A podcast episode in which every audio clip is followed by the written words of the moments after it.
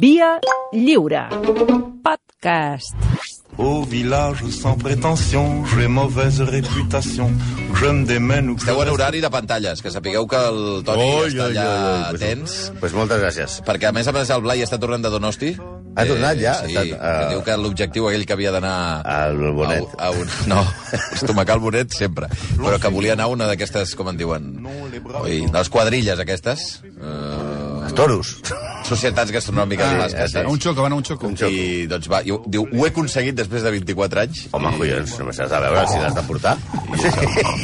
Què és això ara?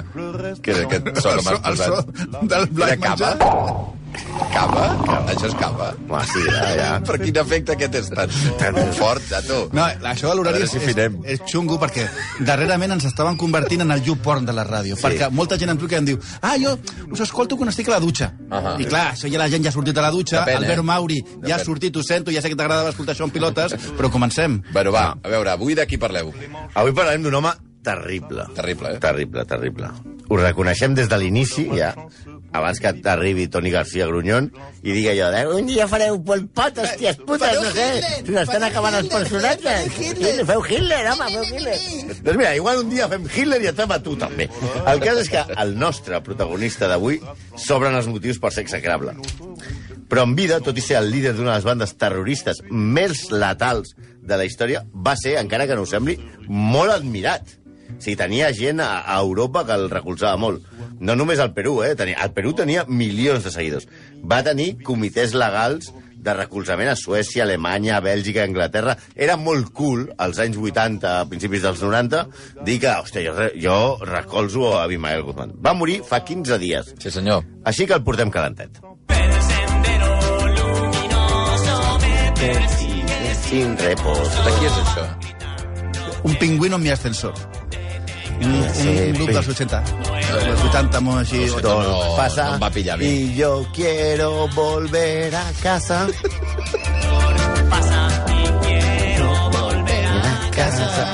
Bueno, en fi. Us ve, eh, potser és el dia que veig més content el Santi amb una cançó en el, tots els anys que... És que aquesta... aquesta Em fa il·lusió, aquesta. Aquest, a, són els millors versos de la història del pop espanyol. El cóndor pasa y quiere volver a casa. En todas las embajadas me despiden a patadas. eh, eh, Això és poesia pura. De que yo, el sendero luminoso me persigue Voy a las misiones y solo me sueltan sermones. Sí, em sembla, em sembla una de les obres mestres de la música contemporània. Va. Un pingüino en mi ascensor. Vinga. A veure, per què posem això? Perquè, clar, en contra, principalment en contra de Sendero Luminoso i d'Abimael Guzmán, tenim que li va posar al seu grup el nom més cursi que se li pot posar una banda terrorista. Increïble. Sí, tu et pots dir, Gundo, vamos a montar una banda terrorista. Venga, ¿cómo le diem? Los cuchillos de la muerte, las guillotinas del mal. Los sanguinarios. Eh, los sanguinarios. Sendero Luminoso. Hòstia, me gusta Sendero Luminoso. No! Sendero Luminoso sembla un grup de catequesi, una secta d'aquestes de cardà, amb, amb, amb, amb veles d'encens, mentre tots estan fumant porros. No, home, no! Hòstia puta! Sendero Luminoso. Pues mira, amb aquesta puta merda... Prou! No? Es va enfrontar amb els governs de Perú i es calcula que la guerra entre Sendero Luminoso i el govern de Perú van morir, segons els càlculs que s'han reformulat, entre 50.000 i 70.000 persones. Segons la Comissió de la Verdad de Perú, un 50 per, 54% de qualsevol de les dues xifres les va matar Sendero.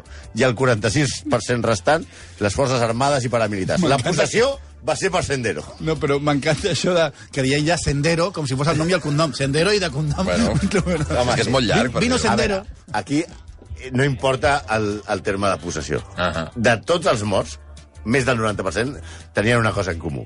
Eren molt pobres. Sigui, els rics aquí no van, no van pillar. En termes econòmics, la guerra entre Sendero Luminoso i el govern de Perú es va elevar a un cost de 26.000 milions de dòlars, que per un país com el Perú és una mica com si al Barça li fas pagar el finiquito de Koeman.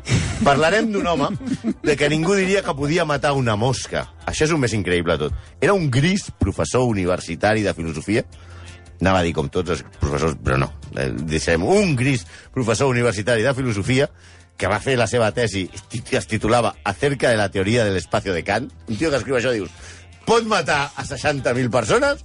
Doncs sí.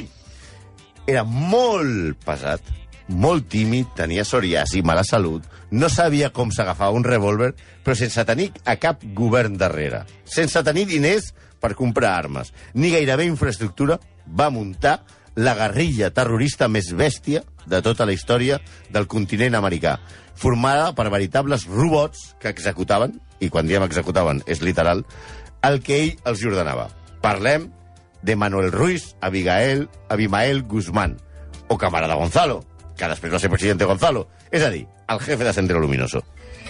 Mi pensamiento animal me hace cruzar, dejando en mi cuarto un ambiente formal. Però, eh, Ara ja veig, ja veig que t'agrada molt, perquè ja m'ha explicat ja m'ha explicat que Sendero Luminoso i el seu líder, eh, Iba, eh, Abimael Guzmán, va tenir Sí. durant els primers anys molt suport de l'esquerra europea. Mm -hmm. Però una de les seves grans frustracions va ser a Espanya, on la gent sempre referia al líder Abimael com Abigail, perquè era el nom d'una telenovela veneçolana protagonitzada per Catherine Fulop. Ah. Està molt bona. prou, prou, home. Esperant que digui Abigail, la No, cançó? no, diu ah, doncs no escoltem més la cançó. No, No, no, no, no, una mica. La bueno. protagonista es deia Abigail. Abigail. I tothom li deia Abigail Guzmán. Sí, això li posa, el posava molt mala hòstia. Sí, era molt dur pel president Gonzalo.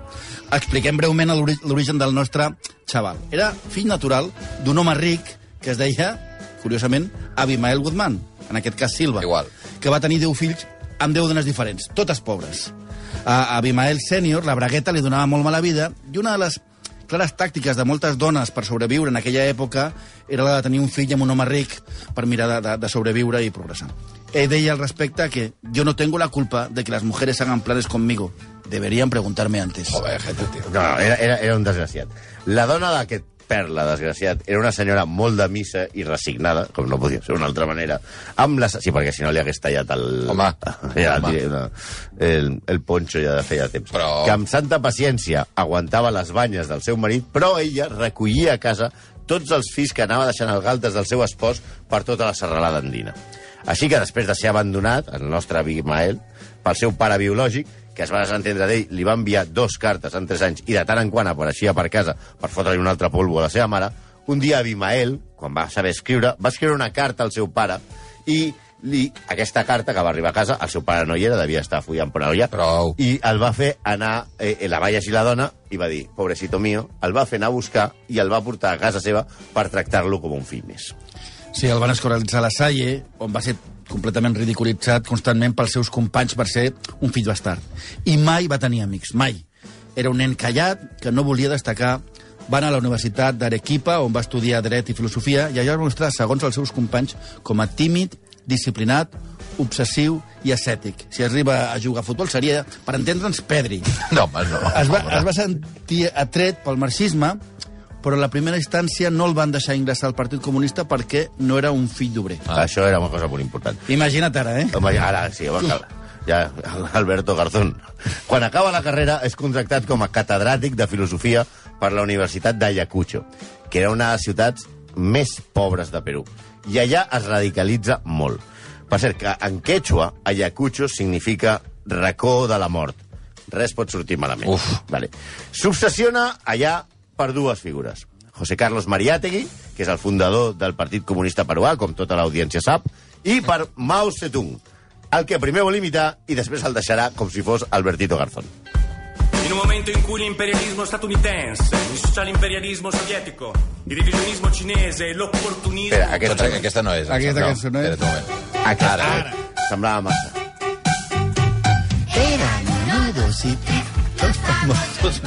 No canteu les cançons. Ja està, avui no sé per què les heu de cantar. Siempre va con ellos a mis pontos todos son los mismos Bueno, contar-ho més, eh? Això són els Ara, mosquets. la Bueno, cançó serà- té algun sentit o... Sí, té sentit. No, que té sentit, tot té sentit. Tot té Bueno, a sentit, veure, sempre té tot, sentit. tot. Bueno, començo. Va viatjar tres cops a Xina durant la Revolució Cul- Cultural, on va estudiar el maoisme, tot i que va reconèixer que mai va veure amb Mao. Solamente le vi una Pensa que hi ha molta gent a Xile. de lejos. Veure Mau és una casualitat. Home, muy si, de et porta, lejos. si et porta el Partit Comunista Xinès perquè aprenguis allò de la revolució cultural, dius, ¿cuándo veré a Mao? Està ocupat. Sí, sí, no, no. Perquè parlen així, en castellà i en rima. Sí, sí. Mao està ocupat. Mao està ocupat. Veus com seria una altra cançó d'un pingüino en mi ascensor. ¿Qué le ha pasado? Está ocupado. Prou. Eh, no. Vaya con Mao. Mira, Vaya, beba Mao. Bueno, vamos Prou. Qué buena cerveza. prou, ha muerto. Mao. Con la buena cerveza que hacía. Eh, la, la, la qüestió és que diu que només, només le vi una vez de lejos I allà Que decideix... és molt gran, Xina, també. I, i allà decideix... Va, per Si favor, visqués a. Liechtenstein, el veuria Seria més fàcil, o Andorra, Però- Andorra mateix. Clar. Però bueno, a- a- allà a Però és Xina... intentar buscar Mao entre la gent del Sí. botellón de plaça Espanya. Ah, No? Vull dir, on exacte. està Mao? Ara parlarem dels I a més, Mau era petit. Mau era petit, no es podia. Ell, vull dir, aleshores, ell, quan allà a Xina, decideix que es convertiria en la quarta espasa del marxisme. Aquí ve seria d'Artacan, mentre que Marx, Lenin i Mao serien els mosqueperros. Ah, val. Aquesta era la idea. Aquesta és la idea. Trigat a Veus, arribar, eh? veus com tenia raó? Ves que a la, tot té sentit. a, la, a la tornada del tercer viatge a la Xina, deixa la universitat, passa a la clandestinitat, que també rima, i funda la facció del Partido Comunista Peruano por el luminoso sendero de Mariategui. Ah, D'aquí ve el nom, eh? Ah, exacte. Fora dels mosqueperros del comunisme no li queia bé ningú, ni els altres comunistes. Està bé, eh? A veure, hi ha una anècdota molt graciosa. Bueno, graciosa. Una anècdota. Deixarem en, en anècdota. En els seus últims temps a la universitat. Quan va morir el Che Guevara, un professor de la universitat, un company d'Abimael Guzmán, va fer una gran lloa a classe del revolucionari argentí. A l'acabar la classe, uns alumnes es van anar cap al, cap al, al professor i li van dir que ara farien un acte a l'aula magna del centre en honor al Che. I ell va dir, hombre, claro, voy, claro, cómo, cómo no. La sala plena. I només hi havia una cadira lliure, que era la cadira que estava just davant de l'estrada. Li van dir que s'assegués aquí i aleshores apareix a l'escenari i a l'estrada Abimael Guzmán, que va fer una conferència que, en la que va titllar el Che Guevara, sí senyors, el de fusilamos y seguiremos fusilando, Ai, sí. li va dir tipejo. Ui. I va definir la Cuba de Fidel Castro dels anys, de l'any 70 com un estado burgués avanzado. Ai, ai, ai, ai. ai, Sí, ai. perquè veieu del pal de què anava. Ai, ai, ai, ai, ai, ai. I, I al final de la conferència va dir i que esperava que a partir d'aquell moment no se repitieran desviaciones en la ideología en la universitat. El senyor, aquest professor que havia lluat la figura del Che Guevara, es va aixecar, després de fer-se caqueta a sobre, Ui, ui, ui. i mentre tot l'auditori el mirava, va sortir tiqui, tiqui, tiqui, tiqui, Adéu. i no va tornar a parlar mai bé de Che Guevara ni de ningú. És que estem parlant d'un tipus que considerava a Nikita Khrushchev, sí, el que volia llançar els míssils contra els Estats Units, com un puerco ignorante pleno de bravatas prepotentes, chancho, de porquerizo rosado, i el pitjor insult de tots, El pitjor que us poden dir a la vida. revisionista. Revisionista. Revisionista. Si et deien revisionista, ja havies japat. Aviam, si hi havia un partit de futbol entre comunistes, diguem-ne, trotskistes contra maoistes, de Podemos contra Podemos, el que sigui, el pitjor insult no seria el típic fill de puta, burro, tal. Qui seria? Revisionista. Revisionista! Jo no! Sí, mira, tot això, perquè Santiago Roncagliolo, que ha escrit un fabulós llibre sobre Sendero Luminoso, editat per Debate, de nada Miguel por la publicitat, titulat La quarta espada, eh, la ideologia, explica que la ideologia ho era tot per Abimael i per Sendero Luminoso. La compara, eh, Roncagliolo, el que és la força per al Luke Skywalker. Hosti. Sí, ell estava així tan zumbat que deia tot. Era... Però al principi, tot aquest dogmatisme no semblava perillós. Sigui, eh, Sendero Luminoso era més aviat, a l'inici, una reunió d'intel·lectuals molt pesats, d'esquerres, valgui la redundància, que debatien teories a la casa que Guzmán tenia al carrer Llibertat, que es, es coneixia popularment com el Kremlin. De fet, quan ell va comprar la casa, va, havia de ser a la carrer Llibertat, va tornar boig a l'algoritme de fotocasa fins que la va trobar. Per cert, les discussions que feien allà, que eren d'hores, allà fumant i tots allò, comunisme, perquè Marx dice, Lenin, no, Mao, tal, la feien absolutament borratxos. Bueno, clar. De fet, ells mateixos eh, s'anomenaven a ells mateixos los chupamaros, perquè xupar en Perú és beure. Ui, ui. Sí, ells podien haver estat tranquil·lament a Maria Cristina aquesta nit. El que passa... Debatent. Debatent, però sense allò... Ma Mao, Lenin, Marx... ¿A ti te gusta Marx o no? Com això? Pensiero luminoso del nostro grande leader, guida, timoniere, Abimael Guzman. Il compagno Gonzalo rimane l'unica via percorribile per una rivoluzione proletaria mondiale. Riassumendo magistralmente il pensiero del compagno Mao, ci ha indicato i tempi e i modi con precisione matematica per prendere il potere, sconfessare l'opportunismo piccolo borghese del Partito Bueno, Comunista. això, això no és que fem un curs, de, un curs, un curs de, de, de CEAC d'italià, sinó que és que això valgui com a prova de que Sendero Luminoso tenia també els seus fans entre el rock italià, que no tenien ni idea de que a principi dels 80 Sendero Luminoso ja no era una reunió de borratxos passats. Era un grup plenament terrorista. Abimael va quedar-se només amb la gent que li era abs- absolutament fidel. Els que adoptaven no, no se'ls va, espalar, no se'ls va espalar a ell. Va fer una cosa molt més civilina. Va publicar a la revista clandestina, clandestina del partit que ell sabia que abans o després arribaria la policia, la llista dels camarades expulsats per revisionistes Hòstia, hòstia. amb els seus noms reals i les seves adreces. Clar, clar. En tres dies estaven tots a la presó. Mira, a més a més, la presentació en societat de Sendero Luminoso com a grup terrorista va ser impactant. Ara haig de demanar-li a- al Grut, al meu gos, baixa la ràdio, Grut, no escoltis això. Un dia, ja? Vale.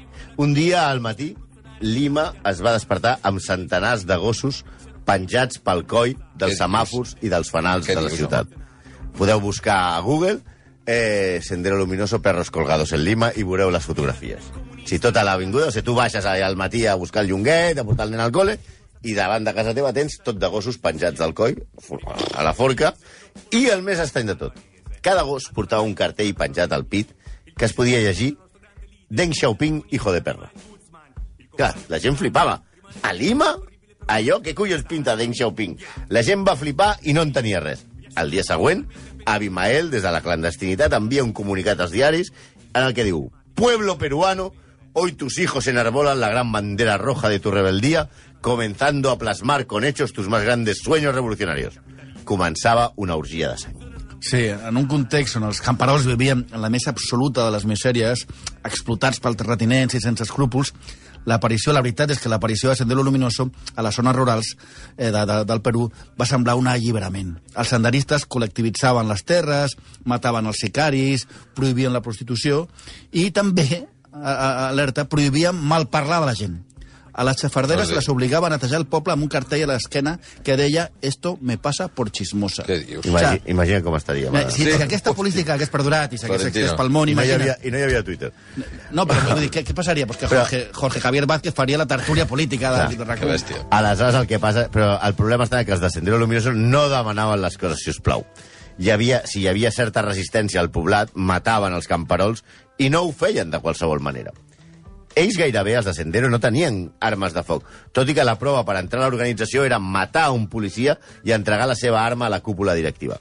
Guzmán ordenava explícitament matar amb les mans Però, però, però... a cops de roc o a cops de matxet. Creia que si mataves a distància et podies aïllar del fet, però si mates cos a cos veient la cara de la teva víctima, ja et converteixes en una altra cosa i ets capaç de fer qualsevol cosa a partir d'aquell moment.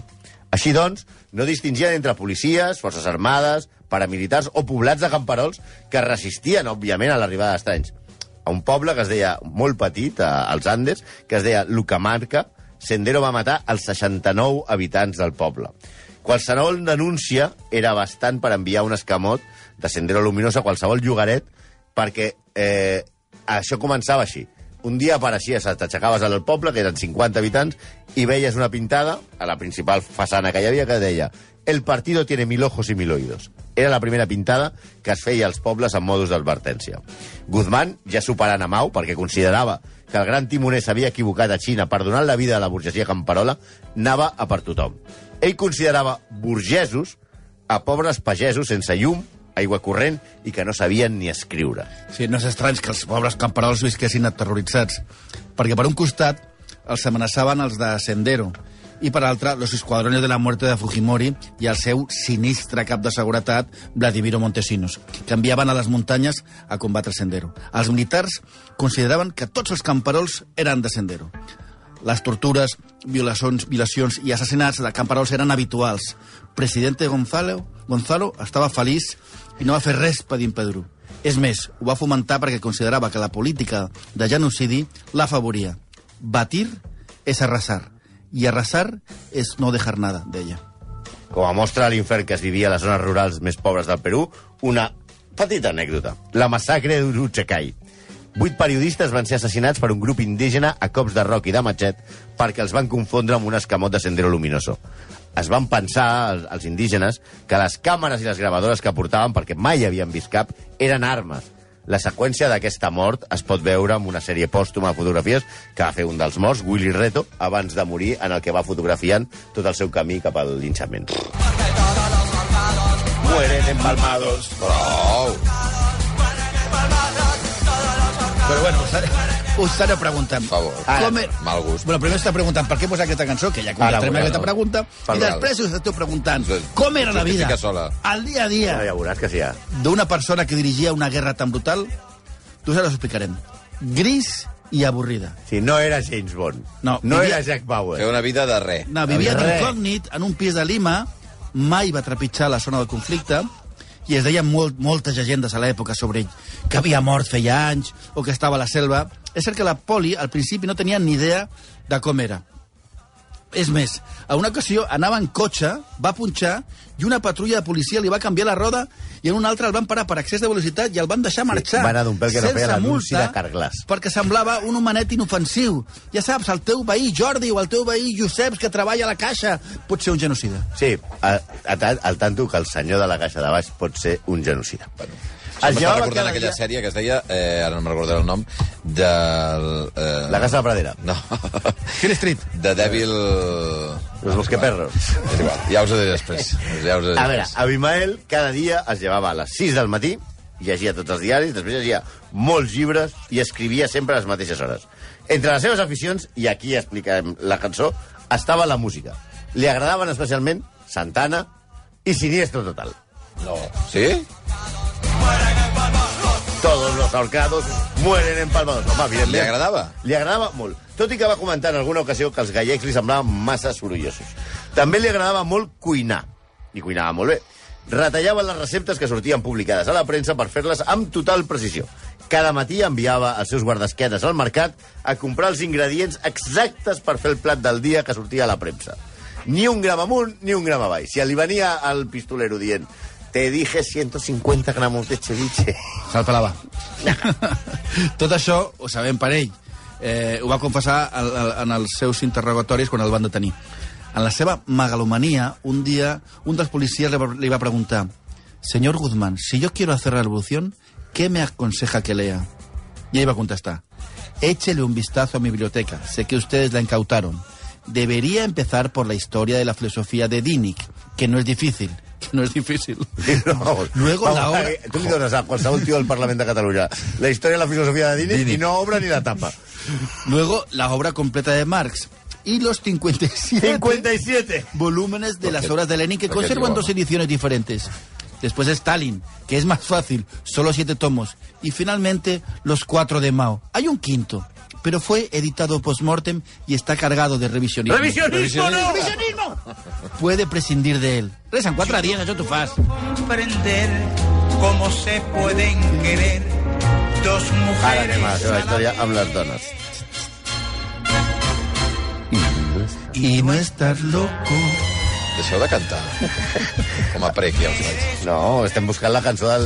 Aquesta podria ser la, De la tardor. De la tardor. Todos los ahorcados mueren en Palma. Prou. El president Gonzalo, com Antonio Machín, tenia dos amores a la vez. Estava casat amb Augusta La Torre, camarada Nora, i liat amb Helena i Paraguirre, camarada Míriam, fins que la primera va morir en estranyes circumstàncies.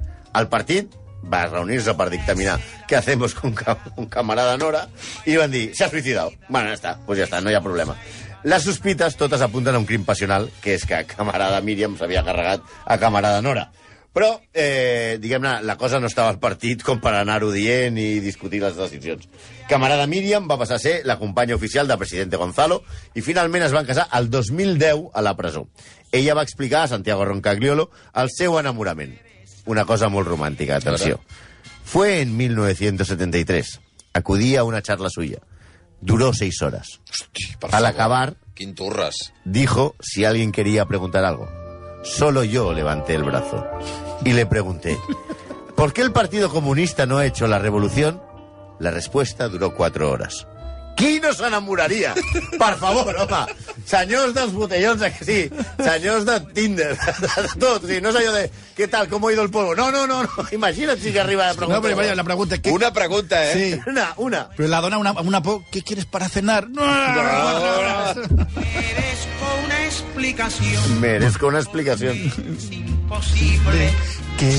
Prou, les que dos tenim pressa. Va, Bueno, va. va. Quan Sendero Luminoso va portar la guerra de les muntanyes a la ciutat, creant apagades, eh, eren famoses les del dia de Nadal, Any Nou i els compleanys del president Gonzalo.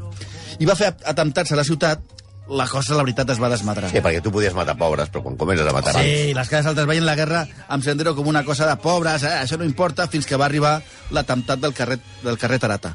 Una bestialitat de bomba al centre comercial de l'explosiu barri de Miraflores, que va provocar 25 morts, 150 ferits, va volar 400 negocis i destruir 183 vivendes. Vull dir, si toques els rics, el teu final està a prop. Mireu com anys després es tractava eh, l'atemptat a les notícies en paraules del propi presidente Ara sentirem Abimael Guzmán. Una Parlant d'aquest entrada, atemptat. entrada al telediari i Abimael Guzmán. Han pasado casi 25 años de aquella explosión en pleno corazón de Miraflores que dejó 17 muertos y más de 150 heridos. Uno de los golpes más duros de Sendero en la capital.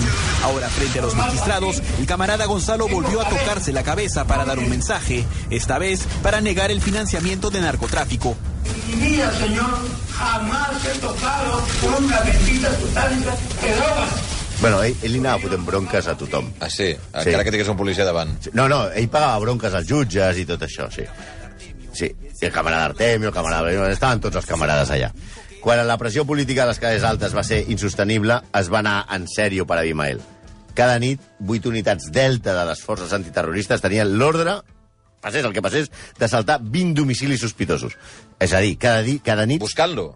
Sí, i Vinga. buscant col·laboradors per, per treure informació. Cada nit, 160 portes de Lima eren rebentades en busca de pistes i finalment Abimael va caure. El 12 de setembre de 1992, a la casa on vivia, amb Helena i Paraguirre i dues dones més. Es va entregar sense resistència i va ser exhibit a la presó de Callao en una gàbia que és una imatge famosa que tothom coneix, vestit com els presos aquests dels dibuixos animats, del Gordo i el Flaco, la idea va ser de Vladimiro Montesinos, era ridiculitzar-lo davant de l'opinió pública, perquè era un home que li tenien molta por, però en veritat no l'havia vist ningú durant molts anys. El volien rapar al zero, però com tenia psoriasis, que hem dit abans, van descartar fer-ho per no semblar que l'havien torturat. Però ni així el van callar. Aquest és el moment en el que van descobrir la gàbia davant de la premsa. Porque somos comunistas. Los intereses del pueblo, los principios del partido. Hablo del pueblo peruano. Y a los que han matado. Els que insulten són els periodistes. preguntar, pues miran así y les daremos. Pero ahora, dejen hablar. Aquí quan, el, quan ell diu, diu, les daré entrevistas, però déjenme hablar a mi. No, clar, si t'hacen entrevistes ja t'hablaràs tu. Sí, a veure que un senyor una mica cabra, de, cabrejat. No, després de diversos judicis, perquè el primer va ser declarar nul, Presidente Gonzalo va ser condemnat tres cops a cadena perpètua, a tres vides. Tot i que ja s'havia redactat la seva sentència de mort i s'havia triat els soldats que l'havien de fusellar, però no el volien convertir en víctima. Va morir el passat 11 de setembre, fa 15 dies. Per cert, jo no sé si el- si l'execrable número 100, el guionista o qui sigui, que no passin més coses a l'11S, que no caben. Ja està, ja, ja, prou, Ja home, està, ja, ja l'11S, està. Ja collons. l'ha acabat. I eh, a la presó es va construir especial, una, una presó que es va construir especialment per ell a prova de, de fugues, on va convertir finalment establiment en tots els que el, el van empresonar.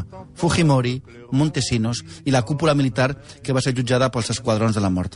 El seu cos ha estat incinerant incinerat tot i les protestes de la camarada Míriam des de l'altra presó on compleix també cadena perpètua. Mai cap dels dos ha demanat perdó pels seus crims. Doncs avui, un, vaja, un execrable manual, Abimael Guzmán, el cap fundador de... Ara arribarà aquest col·laborador que tindrà ja fareu Hitler, ja fareu Hitler. Pot, pot. Sí, ha començat a fer gestos des de la peixera, o sigui que sí, sí. La peixera hauria d'estar. Sa- Santi Jiménez, Malcom Hola. Otero, gràcies. Eh? Gràcies. Apa, adiós. viendra me voir pendu, sauf les aveugles, bien entendu.